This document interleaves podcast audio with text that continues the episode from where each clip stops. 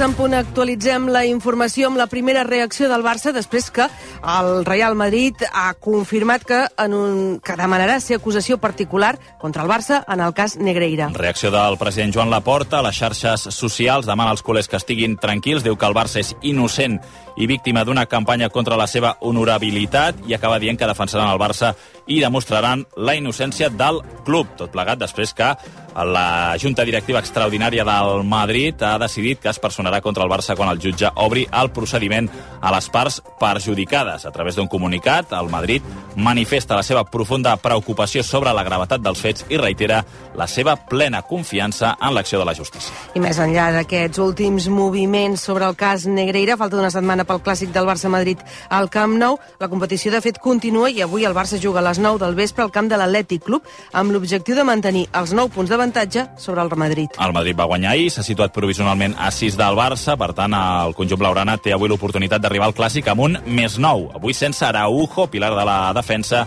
i amb quatre jugadors amenaçats, amenaçats de sanció, que si veuen targeta groga es perdrien el clàssic. I us ho ha avançat rac cada dia a Catalunya hi ha sis agressions a personal sanitari. Segons l'Institut Català de la Salut, la gran majoria, el 78%, eh, passen a l'atenció primària. Més enllà del col·lectiu de metges i infermeres, les dades també inclouen els saladors i el personal administratiu, que de fet són dos dels dos col·lectius més perjudicats.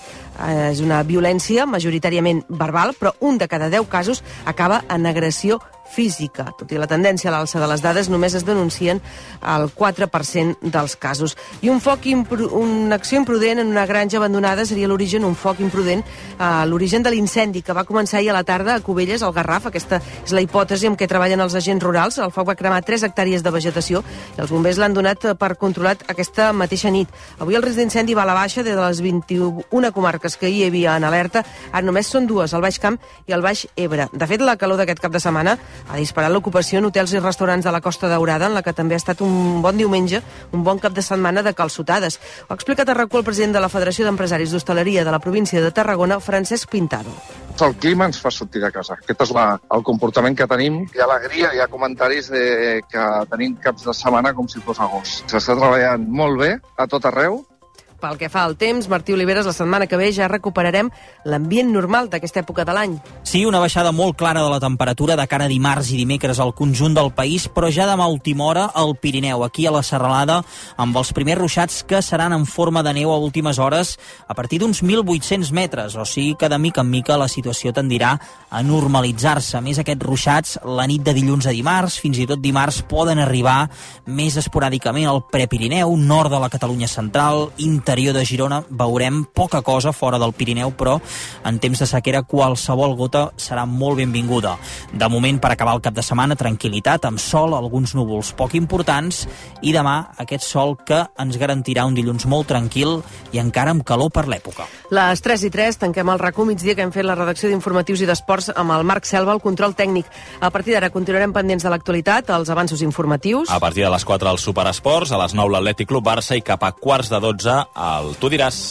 I recordeu que a partir de la una, després del Tu diràs, els Oscars en directe a rac amb un programa especial liderat per Xavi Bundó. Nosaltres tornem demà a les dues. Ara us deixem amb el viatge bé. Bona tarda. Ho sento, necessito més espai. Ho entens, oi? Allà et cuidaran molt bé i et trobaran una nova família. Són de confiança. Són d'aquí. Comprem el seu cotxe.cat. Taxació online gratuïta. Millorem la valoració que et faci el concessionari. Paguem al comptat en menys de 30 minuts. Comprem el seu cotxe.cat. Som de confiança. Som d'aquí. Ha arribat el dia. S'han acabat les esperes. Senyores i senyors, benvinguts a l'època de la immediatesa. Ei, que som al 2023. Emporta't ara el Suzuki S-Cross amb etiqueta Eco, tracció 4x4, càmera 360, últims sistemes de seguretat avançada i entrega immediata. Sí, sí, immediata. Nou Suzuki S-Cross.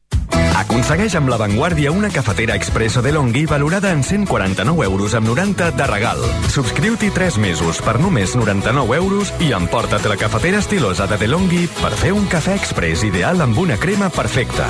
Truca ara al 933 481 482, rep el diari cada dia i gaudeix de l'autèntic sabor del cafè amb La Vanguardia i DeLonghi. Et vols vendre el cotxe? Busca, compara i, si algú te'n paga més, vine a Ocasión Plus. Et millorem qualsevol taxació. Millor preu garantit. Pagament al cap de 30 minuts. Ocasion Plus. Ara a Lliçà de Vall, Avinguda Puigcerdà 14, a Terrassa Mataró i a ocasionplus.com. Obert cada dissabte, matí i tarda. RAC més 1, podcast. RAC més 1 i Renfe presenten Chelsea Hotel. Per gaudir de la història d'una nova cançó, atura't a l'estació del Chelsea Hotel amb de Suanya. El tema protagonista d'aquest nou episodi és Wonderful Tonight. Voleu saber a qui va dedicar Eric Clapton aquesta cançó i com va inspirar-se per compondre-la? Doncs entreu al Chelsea Hotel de RAC més i us ho expliquem. Vine al Chelsea Hotel i descobriràs la història que connecta una cançó i una efemèride. Escolta la rac1.cat i a l'app de RAC1. Tots som Més 1. Teniu la maleta a punt, oi? Perquè ara mateix sortim de viatjar. A RAC1, viatge bé, amb Esther Muñoz.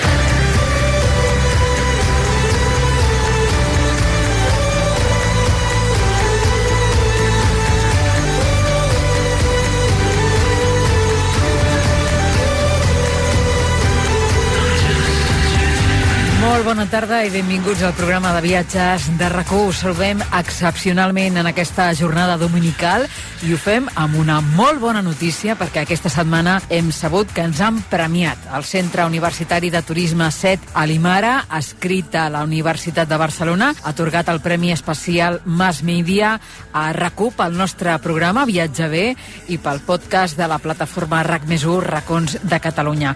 El jurat de la 38a edició dels premis ha reconegut l'aportació al turisme que fa la nostra emissora per donar visibilitat al bon turisme, la sostenibilitat i el patrimoni cultural i natural del país.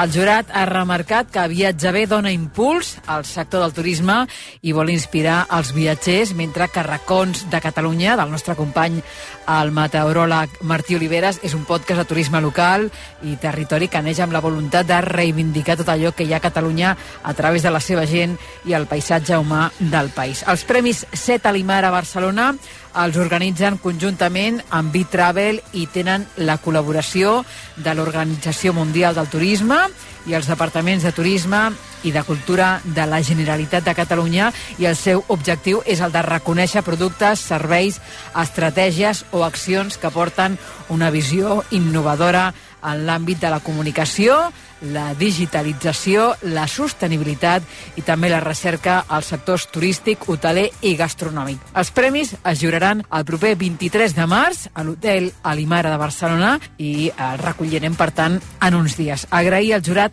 el guardó de tot cor i dir-vos que estem molt, molt il·lusionats amb aquest premi que volem compartir amb tots vosaltres. Dit això, marxem de viatge.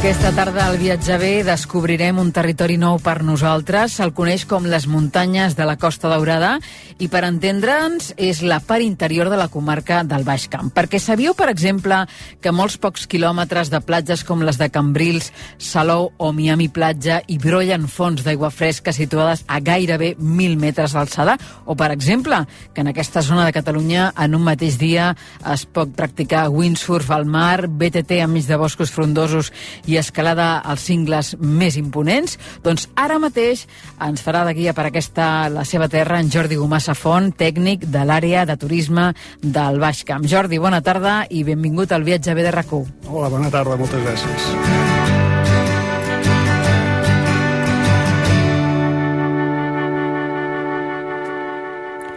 On són, Jordi, ben bé les muntanyes de la Costa Daurada? No? Quin és el seu àmbit geogràfic? Quines poblacions, quina zona muntanyosa d'interior en forma part d'aquest territori al Baix Camp? Doncs tu ja ho has dit una mica al principi, nosaltres ens situaríem dins de la comarca del Baix Camp, a la província de Tarragona, al sud de Catalunya, i les muntanyes de la Costa Daurada diríem que són una mica la zona aquesta d'interior de la comarca i, i, i trobem diferents àmbits també, eh? diferents àmbits muntanyosos, perquè hi ha, per exemple, les muntanyes de Prades, són, són una de les serres que trobem, però trobem també la serra de Llaveria, que també és, és, és una altra geografia també muntanyosa, molt diferent a la de les muntanyes de Prades, o fins i tot la serra d'Argentera, que estaria entremig d'aquestes dues serralades. No? És com tot un conjunt, com un anfiteatre de muntanyes, diguéssim, que, va, que van d'est a oest, diguéssim, i una mica de nord a sud, i que recorren tot el que és l'esquena de la comarca, no? I, i, i, i aquí és on ens, on situaríem nosaltres, diguéssim, i després tota la terra que va baixant, diguéssim, cap a la plana i que després arribaríem al mar. Aquesta seria una mica la zona, a grans trets, a les muntanyes de la Costa Daurada. Mm, a l'Escamp s'ha de dir que és una comarca gran. Mm, no sé si viu molta gent en aquesta part interior, és molt poblada o no poblada... El Baix Camp és una comarca amb una dualitat molt, molt forta. Marcada, no? Sí, molt marcada. Trobem la ciutat de Reus, que és una ciutat amb una vitalitat tremenda a nivell cultural, comercial, industrial, a tots nivells. Tenim tota la zona de la costa on hi ha molta població, certament és una comarca amb, amb més de 130.000 habitants, però la zona que estem parlant nosaltres, diguéssim, és, és un canvi força destacat. Estem parlant de poblets, un dels pobles més petits de Catalunya, com és la Febró, que té menys de 50 habitants, uh -huh. o pobles com, com Colldejou, Pratdip, és a dir, i és aquesta dualitat molt gran, eh, que, que en molts pocs quilòmetres hi ha, hi ha aquesta diferència de població i, i, de, i de, diguéssim, de paisatge també, no? Però, però en definitiva és que igualment una unitat molt diversa però molt interessant. Per tant, una alternativa perfecta per totes aquelles persones que ara estiguin eh, pensant en vacances de Setmana Santa, mm. vacances d'estiu, que vulguin desconnectar i sortir de la massificació d'alguna manera. Sí. Sí, sí, sí, sí perquè eh, també et dona, és una comarca que dona mol, moltíssimes opcions, no? I, si vols començar per la costa, doncs pots gaudir del mar, pots anar entrant cap a la ciutat de però després tot el que és l'interior, muntanya, eh, tot, tot aquest àmbit rural, diguéssim que aquí també hi ha, hi ha una quantitat de possibilitats molt, molt important, no? A nivell de senderisme, a nivell de, de, de visites de patrimoni cultural, gastronòmic, eh, hi ha molta diversitat eh, de, de, de, de, i moltes possibilitats de fer coses. També també molta oferta, bastanta oferta en aquest sentit. Doncs aquesta tarda una miqueta l'objectiu de parlar amb tu és aquest, no? Descobrir-la, conèixer-la i veure les diferents opcions que dona doncs, eh, els diferents perfils de, de viatgers. Eh, ens deies que estem parlant d'un paratge privilegiat. M'agradaria que ens fessis una descripció de com són a nivell natural aquestes muntanyes, eh, els seus municipis, no? Qui, per exemple, quina, quina vegetació hi trobarem, si hi anem? Doncs molt diversa. La veritat és que, com he comentat, podríem parlar quasi de 3-4 zones eh, mm, més o menys diferenciades, perquè, per exemple, el que són muntanyes de Prades, que possiblement i segurament ben aviat seran declarats parc natural, eh, doncs és una, és una muntanya eh, pràcticament continental, amb un, amb, un, amb un tipus de vegetació doncs, amb, amb zones, eh, això, això amb, amb pi, amb, amb zones de prats, amb uns boscos molt frondosos, és a dir, quasi una, una, una una muntanya, això, continental, que no alpina, però, però amb unes característiques eh, que tendeixen cap aquí. En canvi, la Serra Llaveria, per exemple, és una, és una serra molt més rocosa, eh, molt més mediterrània, ferèstica, diguéssim, amb el sentit de que, doncs, això, hi ha molta cova, molt, i, i és un àmbit molt més, això, amb una sensació molt més de muntanya mediterrània, no? I després hi ha la Serra de, de, de l'Argentera, que és aquesta part central, doncs, diguéssim que està a mig camí entre, les dos, entre els dos àmbits.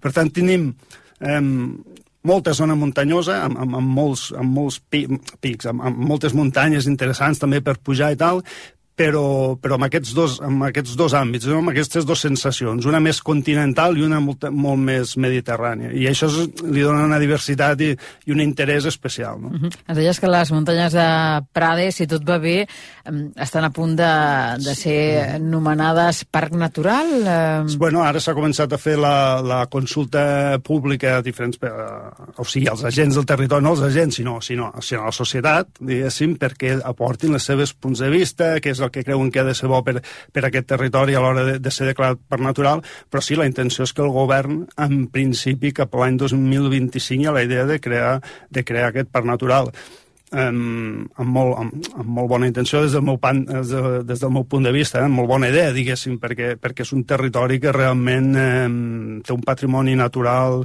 eh, de flora, de fauna, eh, geogràfic, eh, Molt potent, molt, molt, molt potent, potent, i que, que mereix la pena doncs, que sigui considerat i preservat també. Uh -huh. En aquestes muntanyes de Prades trobem, per exemple, capricis naturals, com vosaltres els anomeneu, com els cingles de la Mussara, la Cova de les Gralles o la Roca Foradada, no? Mm. Aquests tres punts eh, es troben a prop, l'accés és fàcil, si anem a passar uns dies, els podrem veure tots, com ho veus? Sí, si ens centrem al que és eh, muntanyes de Prades, aquests tres que has anomenat, o fins i tot algun altre, com el Tossal de la, de la Baltasana, que és la muntanya més alta de les muntanyes de, de Prades, que té pràcticament 1.200 metres, doncs mm, són, són punts que són relativament relativament propers, més si, va, si, si va en vehicle, no? Eh, el que és la Mussara, per exemple, és un poble que està, un poble abandonat actualment, però està enlairat dintre del cingle de la Mussara, està pràcticament també a mil metres. Què s'hi veu des de dalt? Pues la vista Jordi. és realment impressionant, perquè veus des del Delta de l'Ebre, bueno, un dia més o menys clar, però si veu des del Delta de l'Ebre, doncs tota la plana del Camp de Tarragona i, i bueno, amb els dies clars, doncs ja la típica vista de, de, de la illa de Mallorca, no? Però, però diguéssim que la vista tens tot el Camp de Tarragona als teus peus, la ciutat de Tarragona, la ciutat de Reus, i ja et dic fins al Delta de l'Ebre, la vista és realment espectacular. A part, estàs en una zona molt elevada, en un poble que està abandonat, que té un cert, com un cert misteri, com una certa mística, Clar i tot rodejat dels, de, de boscos molt, molt, molt interessants, molt bonics i zones impressionants com són els avencs de, de la Febró o, o els gorgs també de la Febró, és a dir, hi ha diferents eh, accidents geogràfics en aquella zona que són realment espectaculars. Uh -huh. A part d'aquests eh, punts que estem citant, mm, teniu un llistat enorme, llarguíssim, eh, no el podem comentar tot, però sí que m'agradaria que d'aquests punts d'interès natural que vosaltres eh, citeu, no?, el camí de les Tosques, la cova de Pratdip, eh, per exemple, l'encina del Mas de Borbón. Quins destacaries tu? Algun en concret que pensis que els oients de Viatge B han de visitar, haurien de visitar perquè realment és interessant? Um, és complicat, ja sé que et posen un compromís, eh? Ho és sé. complicat perquè, perquè, perquè n'hi ha molts i perquè realment tots són interessants. O algun únic, o algun um, on no hi vagi gent... Si m'estàs parlant de, de... Clar, eh, si m'estàs parlant de, de temes eh, de natura, diguéssim, doncs... Eh, sí, natura. Doncs natura, a part dels que, dels que hem, dels que hem comentat ja, sí? doncs, per exemple, hi ha el camí de les Tosques, que és un camí eh, medieval empedrat que puja des de Vilaplana cap a la zona de la Mussara, també. Eh, hi, ha, hi ha la Mola de Coll de Jou, que és, que és una excursió clàssica de l'excursionisme eh, tarragoní segur, i quasi de Catalunya també, és una muntanya molt, molt característica que hi ha al sud de Catalunya, amb aquesta forma de, de mola de, de, de molí, uh -huh. i també doncs, des de dalt hi ha unes vistes molt espectaculars. Tot el, tot el que és la zona de la Serra Llaveria és un, és un àmbit natural que també és, és, és un espai natural protegit i, i que és molt o, o força desconegut, diguéssim, per una gran part de la població de Catalunya i realment és, és un lloc mm, espectacular, amb, també amb unes zones ombrívoles molt, molt, molt, molt acollidores, diguéssim, amb unes vistes, després aquesta muntanya ferèstica que et deia, més, més seca, més, més, eh, com, com més rocosa, però, però molt, molt intensa, diguéssim, molt telúrica, quasi, quasi, que, que té una potència visual i, i quan ets allí, doncs, et sents... Eh, que en formes part d'alguna manera, no? Que estàs integrat unes, unes sensacions fortes, no? I, i, i a part, doncs, bueno, per exemple, a la zona d'Escornalbou, on hi ha el castell d'Escornalbou, doncs també hi ha uns boscos allí que també estan, estan protegits, perquè, perquè els boscos de, de pi, de sureda, vull dir, eh, és, és, eh, hi ha moltes coses realment i, i costaria anar-les definint, no? però una mica la cosa aniria per aquí. Uh -huh. eh, les muntanyes de la Costa Daurada, de les quals estem parlant aquesta tarda del viatge B de rac com ens està explicant el Jordi, realment són un paradís pels amants del turisme actiu, com el senderisme, que és un dels vostres recursos, no? Sí. Ho hem de dir, de principals, no? Uh -huh. eh, dels nombrosos camins, Jordi, dels itineraris que teniu, de les rutes tematitzades que oferiu als viatgers, quines en destacaries també? Que també en són moltes, eh? Sí, nosaltres el que, vam, el que hem fet a, a, a la zona del Baix Camp és, és crear una xarxa de camins, és a dir, recuperar tots els camins tradicionals que, que unien els, els pobles d'interior els hem recuperat i, i, i més o menys els hem senyalitzat per tal de que la gent pugui anar d'un municipi a l'altre doncs, pels camins tradicionals i que es puguin unir tots entre ells. No?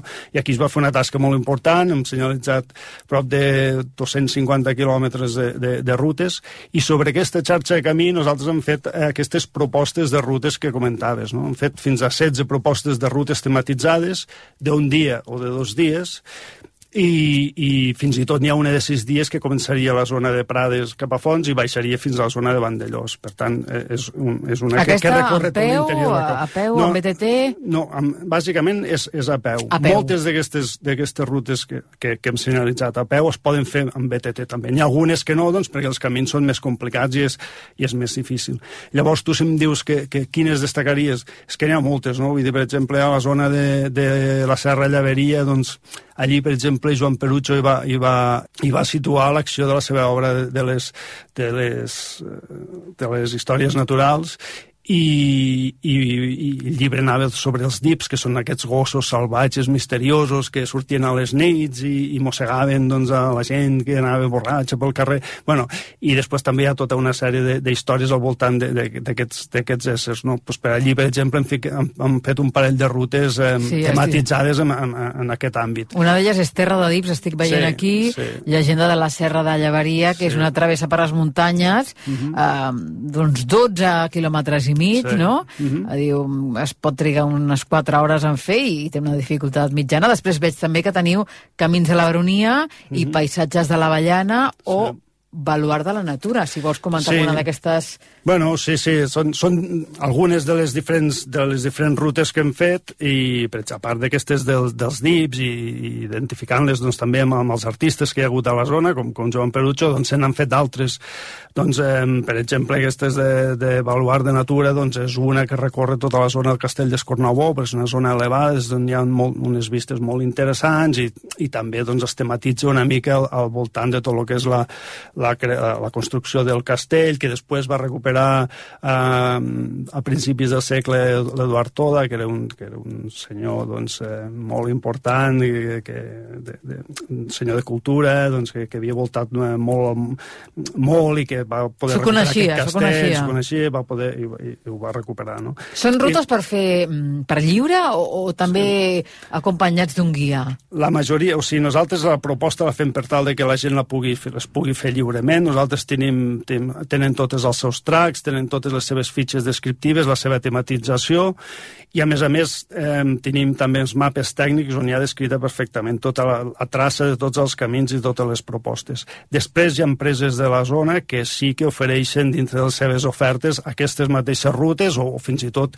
um, que a més a més les diversifiquen amb alguna altra activitat, amb un tas gastronòmic o que les, a, a més a més de fer aquesta part de la ruta doncs es allarguen per altres zones i fan, i fan rutes de dos, tres, quatre o cinc dies o sigui, sí, sí que hi ha una proposta de, de, de guiatge, però ja és per part de les empreses eh, que tenim a la zona, les empreses de turisme actiu i que ofereixen els seus productes. Mm -hmm. Després veig que està l'opció també de rutes recomanades en cotxe, com aquesta que teniu per les muntanyes de Prades, per la Serra de Mussara, sí. per la terra de, de, dels Cips que acabem Sí. de comentar, i, i les mateixes, no? Paisatges de l'Avellana i Baronia sí. d'Escorna al Bou. També són, m'imagino que són bastant semblants, no? Sí, al final, és, eh, clar, aquí que es busca una mica doncs, que tothom, eh, segons els interessos, els gustos que tingui, doncs, pugui visitar el territori.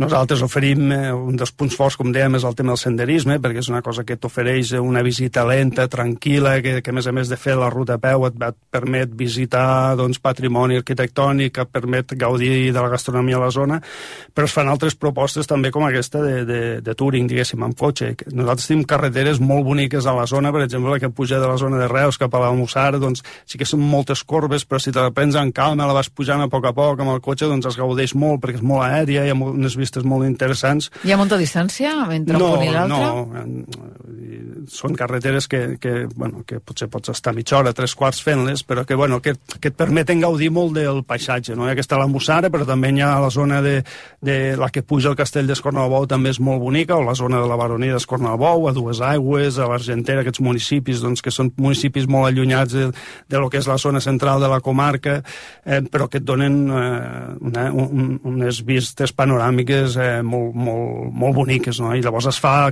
aquesta proposta, diguéssim, més que oferta, aquesta proposta de, de, de per la gent que, doncs, que no camina el que sigui, doncs, que pugui anar amb el seu cotxe, no? I després també es fan propostes de rutes amb BTT o fins i tot de cicloturisme, que nosaltres també tenim la ruta de l'oli, doncs, que que recorre més el que és la zona plana del Baix Camp, val? Que és, eh, perquè no només és muntanya, és a dir, també tenim després la zona, eh, ja quan arribes a les borges del camp i fins a la zona de Reus, doncs, que és tota la plana agrícola, i tota l'horta de, de, de la zona del Baix Camp, que és, que és això, no? una zona molt agrícola que dona un producte molt, molt, de molta qualitat i que aquí al final també doncs, eh, es veu molt que és el paisatge mediterrani. Són rutes que feu, Jordi, durant tot l'any o són sí. temporals i també en funció una miqueta de, del producte? Les que plantegem nosaltres són bàsicament de... es poden fer durant tot l'any. A més a més, tenim, al final tenim un, un, un, un clima doncs, que ho permet, és a dir, a la punta de l'estiu, un dia moltíssima calor, doncs hi ha certes coses que no les faràs, no? però normalment sempre es pot fer, eh, les rutes que proposem eh, es poden fer durant tot l'any. També pot ser que muntanyes de Prades, a vegades hi cauen nevades importants, doncs en algun moment puntual no podràs fer, però bàsicament l'oferta és per tot l'any perquè la comarca per, permet fer-ho tot l'any pel clima que tenim. Mm -hmm. Seguim amb, amb un altre dels eh, puntals turístics d'aquesta comarca del Baix Camp, concretament d'aquestes muntanyes de la Costa Daurada, eh, que és la roca calcària, no? En teniu moltíssima quantitat, també qualitat, les vistes són excel·lents des d'aquestes roques eh, que ofereixen les vostres muntanyes, eh, paratges, bon clima, com tu ens comentaves ara mateix, que fan que doncs, molts escaladors us triïn per la pràctica d'aquest esport, no? Quines opcions tenen ells?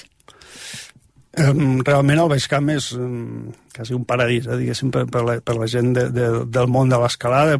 És, és tota la zona d'aquest interior de Tarragona, i al Priorat també hi ha, hi ha una oferta molt... Una oferta, hi ha, hi ha molta muntanya escalable, moltíssima, i, i, i ha altres zones de, de Tarragona. Però el que és el Baix Camp, diguéssim, tot el que és la, la zona de la Mussara, doncs, eh, tradicionalment, històricament, doncs, ha, ha tingut eh, molts visitants escaladors, eh, i també la zona d'Arbolí, que hi és molt propera.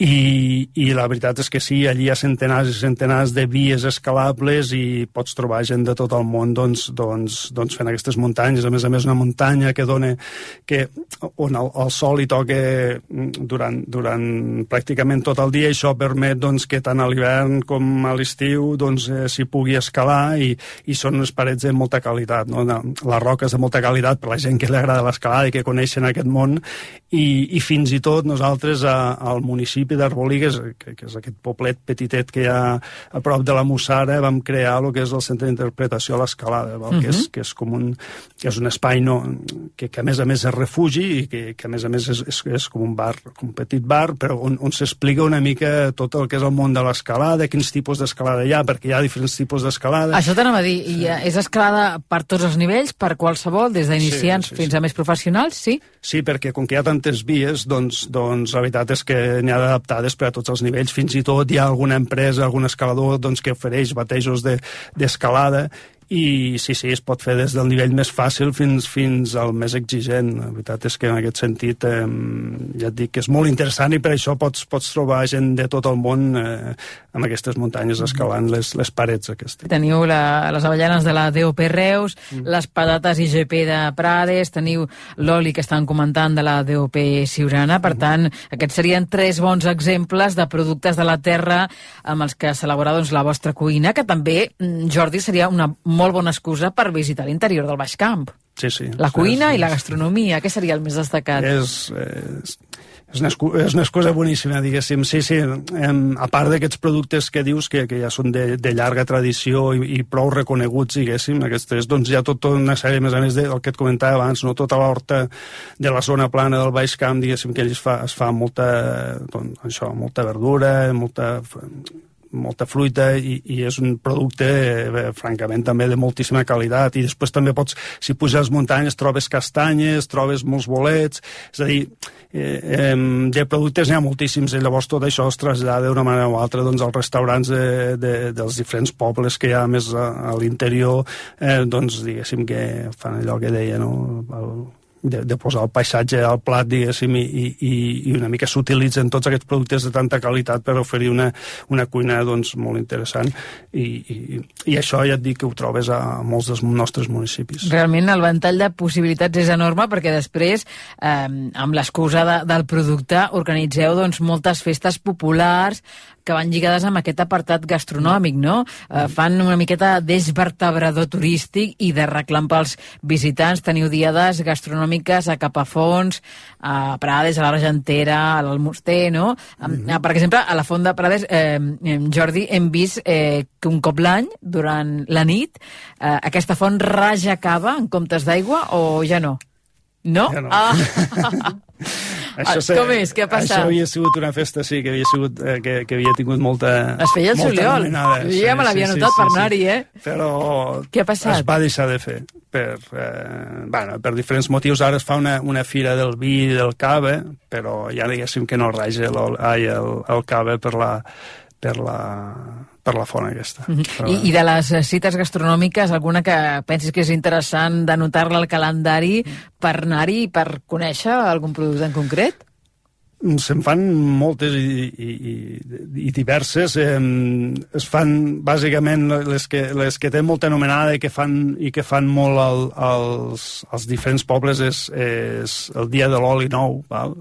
La festa de l'oli nou, que és doncs, això, entre el desembre i el gener, febrer, doncs es fa una festa popular, doncs es fa el premsat del primer oli i llavors pues, tothom participa en aquestes, en aquestes festes. Una altra festa tradicional és la del mandongo de, de Capafons, Sí. on es fa doncs, allí la matança de, del porc i es fan tot, eh, bueno, es fa tot a, tots els productes que, que surten de- d'aquest animal, no? i també és una festa popular molt, molt, molt rica, molt divertida. N'hi ha, n'hi ha altres doncs, doncs, eh, que, que també són, són, sobretot a la costa se'n fan moltes, eh, els municipis de Cambrils, Reus, amb els seus productes, i, i la veritat és que sí, que l'oferta és força, força variada. Uh -huh. Hem menjat bé, hem conegut la gastronomia típica. Podem tornar a fer esport perquè, a banda de, de l'escalada que abans comentàvem, em, hi ha altres esports, no? Esports que es poden practicar a les muntanyes de la Costa Daurada. Quins serien? Bueno, a part del senderisme l'escalada, doncs eh, hi ha una oferta amplíssima també amb, amb temes de, de BTT, més que res, doncs, perquè hi ha molts camins marcats, però també hi ha moltes rutes doncs, que ja tradicionalment es fan doncs, pels diferents municipis, propostes dels diferents municipis, i després al seu territori tan, tan eh, geogràficament tan divers i amb, i amb, i amb tants desnivells, doncs dona, do, ofereix un, un, una varietat de, de, recorreguts i itineraris amb BTT molt interessants i que de fet cada cap de setmana te'n pots, te pots adonar no? perquè veus que, veus que molta gent ve allà a, a practicar aquest esport també es fa trail running, és a dir, gent que va a córrer per la muntanya, per, per això mateix eh? perquè és, és un territori que t'ofereix moltes possibilitats de, de, de, de, de practicar amb diferents nivells el tinguis molt alt, eh, el tinguis normal o baix i, i, i hi ha molta, moltes possibilitats en aquest sentit hi ha, eh, també hi ha oferta de, de, de barranquisme, descens de barrancs pots fer vies ferrates, pots fer, fins i tot es poden fer vols en parapent, hi ha alguna empresa que ofereix aquest, aquest servei, en, en definitiva, és, mm, eh, doncs sí, la veritat és que... Espeleologia, he és que, vist, també. Espeleologia també, hi ha algunes coves doncs, que la gent que les coneix doncs, també les troba força interessants, i sí, sí, és, és, és, dona molt de sí, la veritat. Uh -huh.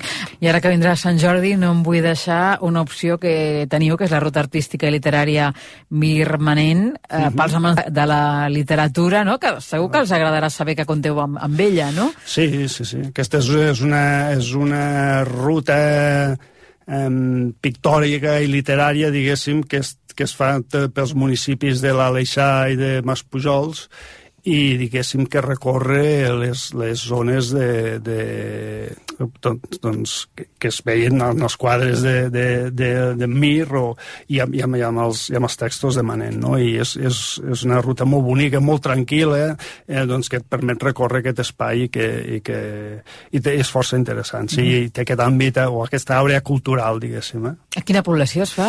Això a l'Aleixar i a Maspujols. Són dos poblets de la plana de, de, de, del Baix Camp, típics pobles mediterranis també i, i molt, molt acollidors i molt bonics.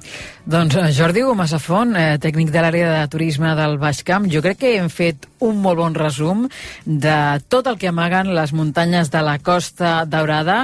Eh, fins a dia d'avui, segurament desconegudes per molts oients de rac a partir d'avui totalment conegudes perquè realment mm, hem quedat poc adabadats de, de tot el que teniu. És enorme l'oferta, enormes les possibilitats i, a més a més, per tothom. Sí, sí, és una oferta molt, molt diversa, com heu vist, molt, molt rica, molt divertida i, i sí, sí, la veritat és que tothom que vulgui de qualsevol edat i, i, i amb interessos molt diferents, diguéssim, doncs pot venir i segur que s'ho passarà superbé. Alguna opció que pensis que ens hem deixat al tinter? Encara estàs a temps, eh, de recordar-ho? És difícil perquè n'hem dit unes quantes, segur que ens en deixem algunes. Jo el que proposaria a la gent és que en tot cas que vinguin i abans s'informin a la nostra web, sí, sí, que segur que també trobaran trobaran molt interessant, on hi ha tota aquesta oferta i propostes molt diverses d'escapades de, o de caps de setmana o d'activitats concretes, que és muntanyescostadaurada.cat i aquí trobareu, trobareu tota, la, tota la informació que necessitareu, tota l'oferta i res, que us animem a que, a que vingueu, que segur que, que no us en penedireu. Segur que no. Doncs Jordi, moltíssimes gràcies per haver vingut avui a rac i ens trobem al Baix Camp. Moltíssimes gràcies a vosaltres. Que vagi bé, adeu-siau. Merci.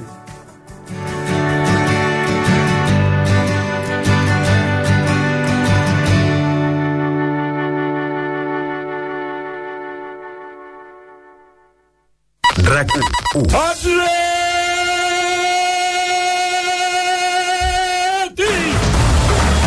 Cridarà més fort aquest diumenge? A les 9, Atlètic de Bilbao-Barça. Des de les 8, a RAC1. Fot-li pou, amb el suport de CaixaBank i Estrella d'Am. RAC 1. Tots som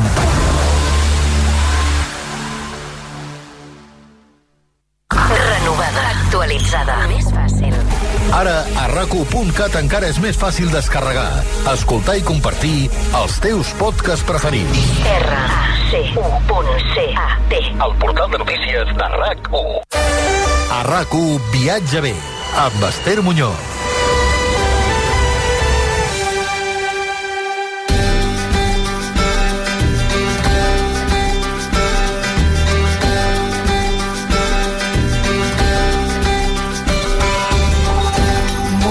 Viatge bé de parlar-vos d'uns premis que s'han creat i que premiaran eh, valgui la redundància, les millors destinacions del món. Són uns, uns guardons que ha creat per primer cop a la seva història la revista de viatges Viajes National Geographic i avui justament falta una setmana perquè eh, es tanquin les votacions. Per saber de quina mena de guardons eh, estem parlant, tenim a nosaltres via telefònica la Sandra Martín, que és la cap de redacció de la revista Viajes National Geographic i a qui vosaltres ja coneixeu perfectament perquè no fa gaire ens va acompanyar aquí en directe al Viatge Bé. Sandra, bona tarda, benvinguda de nou. Hola, molt bona tarda, Esther. Bé, anem a parlar d'aquests guardons, que em consta que hi ha molta il·lusió a la revista, eh, sí. perquè és el primer cop, com deien, no?, que es crea un, un concurs d'aquestes característiques. Es, Explica'ns com, com funciona. Exacte, doncs mira, els premis eh, es diuen premis de los lectores perquè justament el que fem és obrir la porta a que siguin els lectors els que escullin els destins eh, d'aquest 2023. Eh, sí que hem hagut de fer una tasca aquí a la redacció perquè si no seria, imagina't, el món és molt gran, no? Ca- Catalunya és molt gran, Espanya és molt gran, Europa és molt gran, el món és interminable, per tant... Inabastable. hem- hem, hem hagut de fer una, una primera tria per facilitar les coses. Hem recollit de 10 categories, Mhm. 10 categories, i de cada categoria hem fet una llista de 5 candidats, excepte una, que n'hem posat 10. Um, quines són aquestes categories? Doncs abarquen des de el millor destí natural de- d'Espanya, de, el millor destí urbà també d'Espanya, el millor destí de platja, d'Espanya, però també hi ha el millor eh, destí gastronòmic eh, nacional, el, la millor ruta internacional, el millor destí europeu, el millor destí latinoamericà i també hi ha un apartat per la gastronomia, amb quina és la millor ruta gastronòmica i també els hotels, quin és el millor hotel urbano, un, hot- els hotels de, en un entorn natural, Um, en fi, hi ha una mica per, per poder triar, perquè els viatgers, que ja sabem que som una mica tastaulletes, que ens agrada no només la natura, sinó també la cultura i també la gastronomia i, i allotjar-nos bé, que puguem escollir el nostre millor candidat. Aleshores, Sandra, tothom pot participar? Eh, com ho ha de fer? A, a través de quina via? Doncs sí, tothom pot participar. Pot, poden participar a través de, de la pàgina web, de, eh, la versió curta seria Viajes NG, si posen Viajes NG en el buscador de Google, els sortirà la nostra pàgina, la pàgina de, de Viajes National Geographic, i allà, eh, al, a l'apartat de premis de los lectores, podran veure eh, les categories i aniran passant de pantalla i hauran d'escollir un candidat de cadascuna de les pantalles que els vagi sortint. A cada categoria podran veure els candidats, fotografies i una breu descripció. Hauran de clicar, passar de pantalla i clicar un candidat de totes les categories per eh, ser registrats com participant d'aquests premis. I mm, el que passarà aleshores és que participaran en un sorteig de eh, 10 maletes de Samsonite, que, que serà el que, el que donarem pues, això entre tothom que hagi participat. No hi haurà guanyadors entre els lectors. Bàsicament els agraïm moltíssim que, que, que hagin que contribuït, que no? la seva opinió. Exactament, exactament. Mm. Perquè l'objectiu una mica d'aquesta iniciativa, quin seria, Sandra? Uh, és, mira, la veritat és que l'objectiu que tenim és eh, posar a l'abast dels nostres lectors que, que puguin dir la seva, perquè des de, des de les redaccions, com tu ja molt bé saps, estem sempre, pensem coses, ideem, estem, estem sempre promovent i, i proposant temes, però ens falta el, el feedback. El feedback el tenim sempre molt per les xarxes socials, però d'aquesta manera obrir la porta que els lectors, en aquests premis dels lectors de Viajes National Geographic, puguin participar i dir les, eh, concretament quins són els seus candidats, els seus, els seus llocs mm, preferits, eh, no sé, em sembla una cosa bastant maca de fer. A més a més, t'he de dir que això d'obrir la porta a que els lectors opinin és, eh, és, és un tipus de premi que no tothom fa. Normalment es, eh, s'escullen en funció de, de temes més publicitaris o més de- més d'empresa, però nosaltres, al ser eh, National Geographic, ho tenim expressament prohibit per la marca. Molt saps? bé, és- molt bé. També és una, una, com una garantia de que, de que no hi ha interessos ocults darrere, no? I, i això, llavors, bueno, aviam, el dir, per exemple, destins naturals d'Espanya, la gent pot escollir entre eh, Arribes del Duero, el Delta de l'Ebre, les Ries Altes, eh, Somiedo o la Illa de la Palma, per exemple, no? Uh -huh. I si parlem, per exemple, de la millor destinació europea, quines opcions tindríem aquí? Doncs tenim des de Berlín o Escòcia, els Alps suïssos, Flandes i la zona de Toulouse i l'Occitània, per exemple. Suposo que són, són destinacions que, que han aparegut mm, desenes de vegades en la vostra revista. Exacte, ho hem fet una mica també tenint en compte l'èxit que han tingut els reportatges de la revista i també els articles de, de la pàgina web de Viajes National Geographic, perquè hem vist també el, el, el, el feedback aquest entre de les xarxes socials i el, i el que veiem que ens expliquen els lectors, no?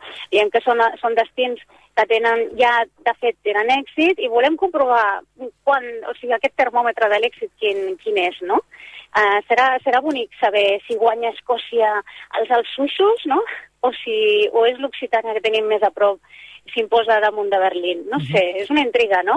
El que estic veient és que a totes les categories, excepte una, les opcions són cinc, perquè en el cas de la millor destinació internacional, aquí teniu 10 finalistes. Ha, Oi, ha sí, costat més era molt acotar-ho? Què ha passat? Què ha passat, Sandra?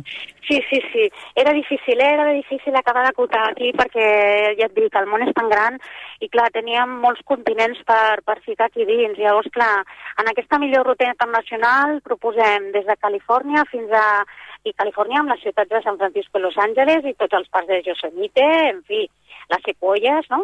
Però també tenim Egipte, que ara també està molt, molt de moda, que a més a més tenim vols directes cap allà des de Barcelona. I el Japó, el Japó, O on el ara Japó. moltíssims oients estan viatjant, eh? perquè ara és una bona època. Exactament, al Japó, que ara a més a més vindrà floració dels, dels cirerers, Sí, sí, sí. en fi, no? amb, amb, amb tota, la, tota la història, tot l'art que tenen allà i la multitud de possibilitats que dona, perquè a més, jo no sé, Esther, però a part de, si, si ho coneixes, però a part de Kyoto i Tòquio, No. mm, Japó, és, eh, Japó és inabarcable també, eh? Sí, sí, Tens sí. mil rutes per a fer i, i si ho tinguéssim més a prop ja aniríem més. N'hem parlat, n'hem parlat bastant aquí al, al programa perquè sabem que és una de les destinacions preferides de, dels oients i realment és, eh, hem dedicat diverses sessions, eh, perquè amb una no no n'hi havia prou, eh? Sí, no n'hi hauria prou, però per exemple també tenim um, a Sydney i la Gran Barrera de Coral com a gran destí, Kerala, que és un estat de la Índia uh, molt frondós, molt tropical, o el Marroc, que el tenim aquí al costat. És una petita joia que tenim aquí, molt d'abast, amb, amb ciutats uh, fantàstiques, muntanyes, deserts, Uh, Turquia, eh, pobres, tot i que ara tenen terratrèmols, però bueno, és una cosa per tenir allà, i anar-hi anar, anar fent bastants viatges. O Tanzània, Tanzània, que per cert, després en parlem, que surt a la revista d'aquest mes, no? O les Seychelles, escolta, que no només els, els que es casen eh, hi han d'anar, també poden anar els altres, no? Encara no, estiguem de, de lluna de mel, oi? -hmm. I després hi ha doncs, aquestes destinacions urbanes molt més properes, eh, com Lleó, Màlaga, eh, Palma i la seva catedral, a Mallorca, València, Vitoria i Gasteiz, que són les cinc opcions que, que heu triat en aquest sentit. Exactament, i també de platja. Aquests serien els destins urbans, també tenim destins de platja, perquè a més ens apropem ara cap a l'estiu. Aquí, a tu, tu què ets més, de Mediterrani o de, o de Cantàbric? Jo sóc de eh. tot. a mi m'és igual, a mi m'és igual. Eh, el cas és viatjar, eh? Jo, qualsevol viatge em va bé. El cas és agafar un, un avió, un tren, un cotxe, o ni que sigui aquí a la cantonada, com deia la, la Carme Roscalleda en el primer programa que vam fer, ja, ja em va bé. El cas és moure'm, eh? Aquest, mm. aquest és l'esperit, aquest és l'esperit. Sí, I si parlaves sí, sí, de sí. Carles Ruscalleda, pensa que també hi ha rutes gastronòmiques. Podem, Quines són les opcions aquí, eh, Sandra? Doncs mira, la comarca de la Sidra, també la Via Verde de l'Aceite, que és a Andalusia, per descomptat, la Rioja Alavesa i la Ribera del Duero per parlar de vins, o la ruta del queso Idiazábal, per exemple. Eh? Uh -huh. I Sí, bueno, perdó, t'havia de dir que, que, que el límit, sobretot, el límit per, per, per participar en, en aquests premis dels lectors és el, el diumenge 19 de març a les 12 de la nit. O sigui, fins a les 12 de la nit la gent pot participar i dir la, els seus candidats estrella i, i, i entraran a formar part d'aquest sorteig d'aquestes maletes, supermaletes. Home, és, és ben fàcil, eh? I el premi està molt bé, eh? Maletes Samsonite, Magnum, Eco Spinner, eh, que realment ens ho posa molt, molt fàcil per, per sortir de vacances eh, ben aviat. Aquests premis dels lectors 2023 és la primera edició i és una molt bona iniciativa que ve avalada per una revista amb 25 anys d'història com és la vostra. Exacte, jo crec que, mm, aviam, estem satisfets d'això, eh? de, de tenir iniciatives noves, d'intentar, com et deia, donar veu als lectors, que des de la revista de paper potser és més limitat, perquè ja, no, no hi ha tant, tant, tant intercanvi, però a través de la web és una cosa superactiva. A més, ja veuran que si entren a Viajes NG podran de seguida um, escollir els candidats d'una forma super eh, gràfica, molt ràpida, i, a, i al final veus el teu resultat. T'he de dir, Esther, que sí? de moment estem superant ja els 5.000 i pico, 5.000 i pico lectors que estan participant en, en, aquest, en aquests premis. I, I encara ens queda una mica, sí. Doncs eh, esperem, no?, que siguin molts els oients de, del Viatge B de RAC1 sí. que s'assumin també aquesta Vinga, iniciativa, va. que participin i a veure si estan de sort i s'emporten eh, algun joc de maletes de, de la Samsonite. Sandra, aprofitant que, que et tinc en línia, que trobarem aquest mes de març a la revista Viajes National Geographic, així Ai, de manera ara... ràpida? Sí, m'agrada que m'ho preguntis, perquè la veritat és que la portada d'aquest número és la, la ciutat de Petra, a Jordània, que és una de les meravelles que, que hi ha al món i que jo crec que valdria anar-la a veure una vegada a la vida. Però també tenim coses més, més properes, per exemple, Almeria, amb les Alpujarras i el Cabo de Gata, una opció maquíssima per fer la primavera i a l'estiu per banyar-nos. O també hi ha eh, tres passejos per la ciutat d'Amberes, que ens ha escrit el nostre director digital, el Javier Sori. Eh, són tres passejos molt ben, molt ben descrits per, per no perdre's detall de la ciutat ni tampoc totes les seves obres artístiques. Però, a més a més, et diré que també tenim la Provença, que la tenim molt a prop i que l'estiu és un lloc preciós. Bueno, abans, de, a finals de maig ja comença a haver-hi els camps de, de lavanda ja florits. I el juny ja és, és, un, és un paisatge espectacular. I com a última cosa així llunyana, exòtica, tenim un safari per Tanzània, perquè si volem somiar, doncs vinga, no? Un safari a veure grans bèsties, no? La gran fauna africana. Doncs una bona manera d'inspirar-nos, no? D'agafar idees per les properes vacances. Sandra Martín, cap de redacció de la revista Viajes National Geographic. Moltíssimes gràcies i enhorabona per l'iniciativa. Gràcies a vosaltres, Esther, i que vagin bé tots els viatges. Una abraçada. Adéu-siau.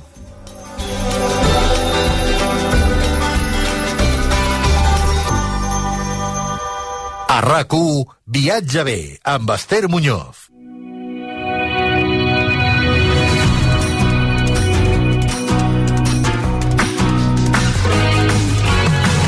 Som en temporada de calçots i nosaltres avui, al viatge bé de rac hem vingut a fer una calçotada, però la farem sense sortir de Barcelona, perquè tenim un establiment a la ciutat comtal, un establiment de 5 estrelles, que és l'Hotel Me Barcelona, al carrer Casp, just davant del Teatre Tívoli, on hi ha aquest hotel que té diferents espais. Un d'ells és una terrassa, la terrassa del Belbo Terrenal, on hi ha un xef, el xef executiu d'aquest Belbo Connection, que és Alberto Vicente, que des de fa unes setmanes està organitzant unes calçotades que estan triomfant. Alberto, bona tarda, benvingut. Bona tarda, moltes gràcies. Què tenen aquestes calçotades de l'Hotel Me que estan causant furor entre els barcelonins? Bueno, doncs fem una calçotada enmig de Barcelona, no? A la plaça Catalunya, doncs fem una calçotada amb calçots, cana a la brasa, munyit de Santa Pau, doncs això li agrada molt a la gent.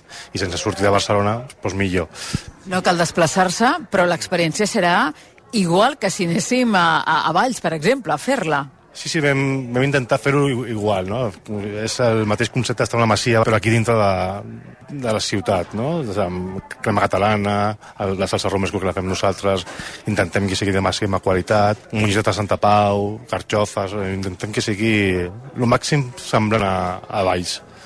De fet, és que el producte és quilòmetre zero. Sí, sí, els, els calçots no, perquè són de Valls, però bueno, tot el més és d'aquí de prop de Barcelona. Ah, Expliqueu-nos una miqueta com va sorgir aquesta iniciativa.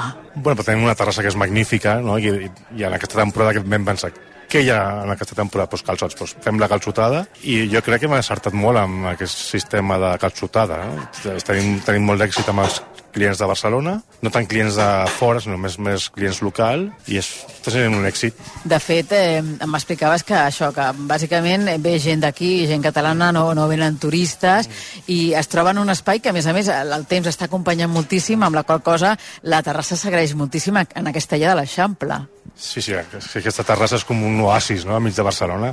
És una terrassa de 800 metres quadrats, és molt gran, molt bonica, no se sent cap soroll, és això, et dona una tranquil·litat molt bona. Ningú diria, eh? Perquè passes per aquí pel, per carrer Cas, eh, veus aquest establiment que és un hotel que fa un, un any, no?, que està pràcticament obert. Sí, fa un any i poc, el novembre fa, va fer un any, i sí, és molt nou, és molt bonic, o sigui, jo us recomano que vingueu a veure'l perquè us agradarà molt. Un, un hotel que, a més a més, disposa de, de, de tres espais de restauració diferents, no? Quins són aquests espais? Pues, tenim Belbo Terrenal, amb la seva terrassa, que fem una cuina més mediterrània, més per compartir, amb arrossos, amanides.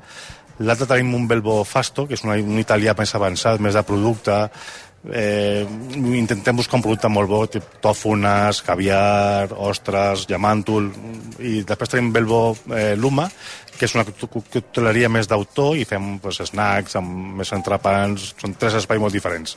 Tu ets el responsable de tot l'espai gastronòmic de l'hotel. Sí, sí, tot, de tot, de tot sóc el responsable i dona un abanic molt, molt gran per buscar coses molt, molt diferents i, i noves.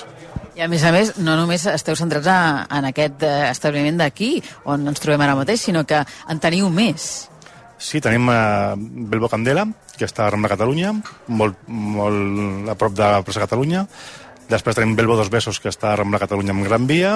Belbo Fàbula Sant Cugat, una mica més lluny. I després eh, tenim Belbo Piropo, que està a Madrid. Eh, tenim diferents espais. Què tenen en comú tots ells? La qualitat i del producte. Eh, hi ha dos eh, restauracions diferents, que és Itàlia i Mediterrani, però sempre busquem el producte. Cada local té el seu toc del xef o del director. Les assemblem, però són diferents. Anem a la calçotada, que és eh, el que ens interessa avui, que a més a més, fins al 31 de març, els oients tindran a la seva disposició aquesta experiència. Sí, fins al 31 de març, que és quan la IGP ja diu que ja el calçot de baix ja s'ha acabat, i el que fem és eh, fem un aperitiu amb vermut, patates xips, sacallona amb una mica més olives, arbequines. Després ja passem a la calçotada, amb el salsa romesco, que és lo important del, del calçot. Després ja és carn a la brasa amb mongetes i carxofes i una crema catalana amb carquinyolis. Anem a pams, no? La, la salsa romesco és una salsa que elaboreu aquí mateix? Sí, l'elaborem aquí, amb els tomàquet escalivat, amb els alls, l'anyora, els fruits secs, el pa, ho fem aquí. I el calçot? El calçot, eh, el producte d'on arriba? Ens suporta el nostre proveïdor, que és d'IGP de Baix, això és, li donem molta importància que sigui IGP de Baix. Hi ha calçot al Maresme, al, al Prat, però volem que sigui de, de Baix. Després, eh, com acompanyem aquesta calçotada? Tenim la mongeta, també. Sí, monyetes de Santa Pau, carxofes i carn a la brasa. La carn a la brasa fem botifarra, perquè és molt típic, i després fem xai, costella de xai a la brasa. Per postres tenim aquesta magnífica crema catalana, no? Eh, té- algun, algun toc de, del seu xef? Bueno, infusionem 24 hores la llet amb la canyella i la pell de llimona i pell de taronja. I després el dia següent sí que la fem. Hi ha jocs que la fan el mateix dia, nosaltres volem infusionar, que agafa aquest sabor més de canyella, de, de taronja, és, és millor. I tenint en compte l'èxit que esteu tenint aquí a Belbo Terrenal, eh, això es podria extrapolar a algun altre dels establiments vostres? Sí, a Bebo Candela, que és més mediterrani, també ho fem. També fem calçotades. No té una terrassa, és més interior, però també és el mateix concepte. M'explicaves tu que, bàsicament, eh, els clients que teniu són, són d'aquí, no? Eh, com podríem aconseguir que també la gent de, de fora s'engresqui amb el tema de la calçotada? Home, jo crec que podríem dir-los que és com una festa, no? perquè al final la calçotada és un grup d'amics o familiars que et reuneixes en una taula, 20, 15 persones, i, fer una festa. Jo crec que amb aquest sistema, perquè si no la gent no, no, de fora no ho entén, el que és una calçotada. La gent de catalana sí que ho entén, però millor la gent de València o de París no, no, no entén aquest sistema de, de calçotades. N'havies elaborat tu de calçotades abans? Així tan tradicional no. Havíem fet calçotades o treballar amb calçots sí, però fer una calçotada típica no, això no, no hi he fet mai. I com ha estat l'experiència? Eh, doncs molt divertida, no? Però al final busques un concepte de calçotada dintre d'un hotel de 5 estrelles amb el luxe que nosaltres volem donar a un hotel de 5 estrelles. Hi ha algun toc, Alberto Vicente, en aquesta calçotada de, de l'hotel? Home, millor més la, amb el romesco i la crema catalana. Això sí que té un, un toc, que no t'ho puc dir. Tenim en compte que, que estem en un programa de viatges. M'agradaria també conèixer una miqueta quin és el, el perfil viatger d'Alberto Vicente, no? Tu ets un home viatger? No, pues sí, he viatjat bastant, m'agrada molt viatjar. Últimament vaig estar a Indonèsia, doncs he estat a Mèxic, he estat a Tailàndia, Equador, sigui, m'agrada molt, molt viatjar i sempre que vaig a mercats a veure el que mengen. A mi un restaurant típic d'un d'un lloc, d'un país com vaig, no, m'agrada anar a menjar al carrer, que és on més tradicional i més puc aprendre d'aquests jocs. Per tant, entenc que Àsia segur que t'ha marcat, no? Sí, Àsia molt. Àsia m'agrada molt. També, Amèrica Llatina també m'agrada molt, el concepte de menjar al carrer, que ho tenen molt marcat. Aquí no, malauradament no ho tenim, però bueno, les calçotades pot, pot, pot ser un reclam per que vingui la gent a menjar al carrer d'aquests països. I abans de formar part d'aquesta la família Belbo Collection, on, per on havies passat? Pues he estat a diversos hotels de Barcelona, el tipus el Majestic, el Hotel Central, el Palace, en aquella època era el Ritz, ara ja és el Palace. Després vaig estar al, al Castell de Ciutat, que era la Seu d'Urgell, un monestre Michelin. Després ja meu pare a Tatarol i, i hi havia un hotel que ja treballàvem amb tòfona negra, es diu la trufa negra, llavors treballàvem molt amb tòfona negra, en diversos llocs he treballat. Doncs ja el coneixeu, és l'Alberto Vicente, el xef executiu de Belbo Collection, aquest hotel Me Barcelona, aquest hotel que tenim, com dèiem, molt cèntric, al quilòmetre zero de la ciutat comtal, a Belbo Terrenal, on us estan oferint aquesta experiència única, perquè això crec que no es fa enlloc, no? No, hi ha en joc, però així com la terrassa que tenim nosaltres i el show cooking que fem amb els calçots de la brasa del moment, hi ha pocs jocs. Fins i tot amb un DJ. Amb un DJ, sí. per amenitzar la, la, el, el dinar, que, que també s'agraeix molt. Sí, sí, que hi ha un DJ, no és una música electrònica, és una música suau, però sí, amenitza molt. I a més també s'ha de dir que, que el temps aquest any està acompanyant bastant, sobretot els caps de setmana. Sí, fa, fa calor inclús, no? Però bueno, fa, fa solet a la terrassa està molt bé. Crec que la convocatòria és a la una de la tarda, no? Pot ser? Sí, a la una. De una fins a les quatre és, fem calçotades. I els dies que no fa bon temps, doncs la gent pot fer la calçotada a la part interior. Sí, així és. Que dintre ens cap unes 100 persones, que també ja, ja acaben bé. Alberto, enhorabona per la iniciativa i convidem a tots els oients a passar-se per aquí i a viure l'experiència i a compartir-la. Moltíssimes gràcies. Moltes gràcies per vindre. Adéu. Fins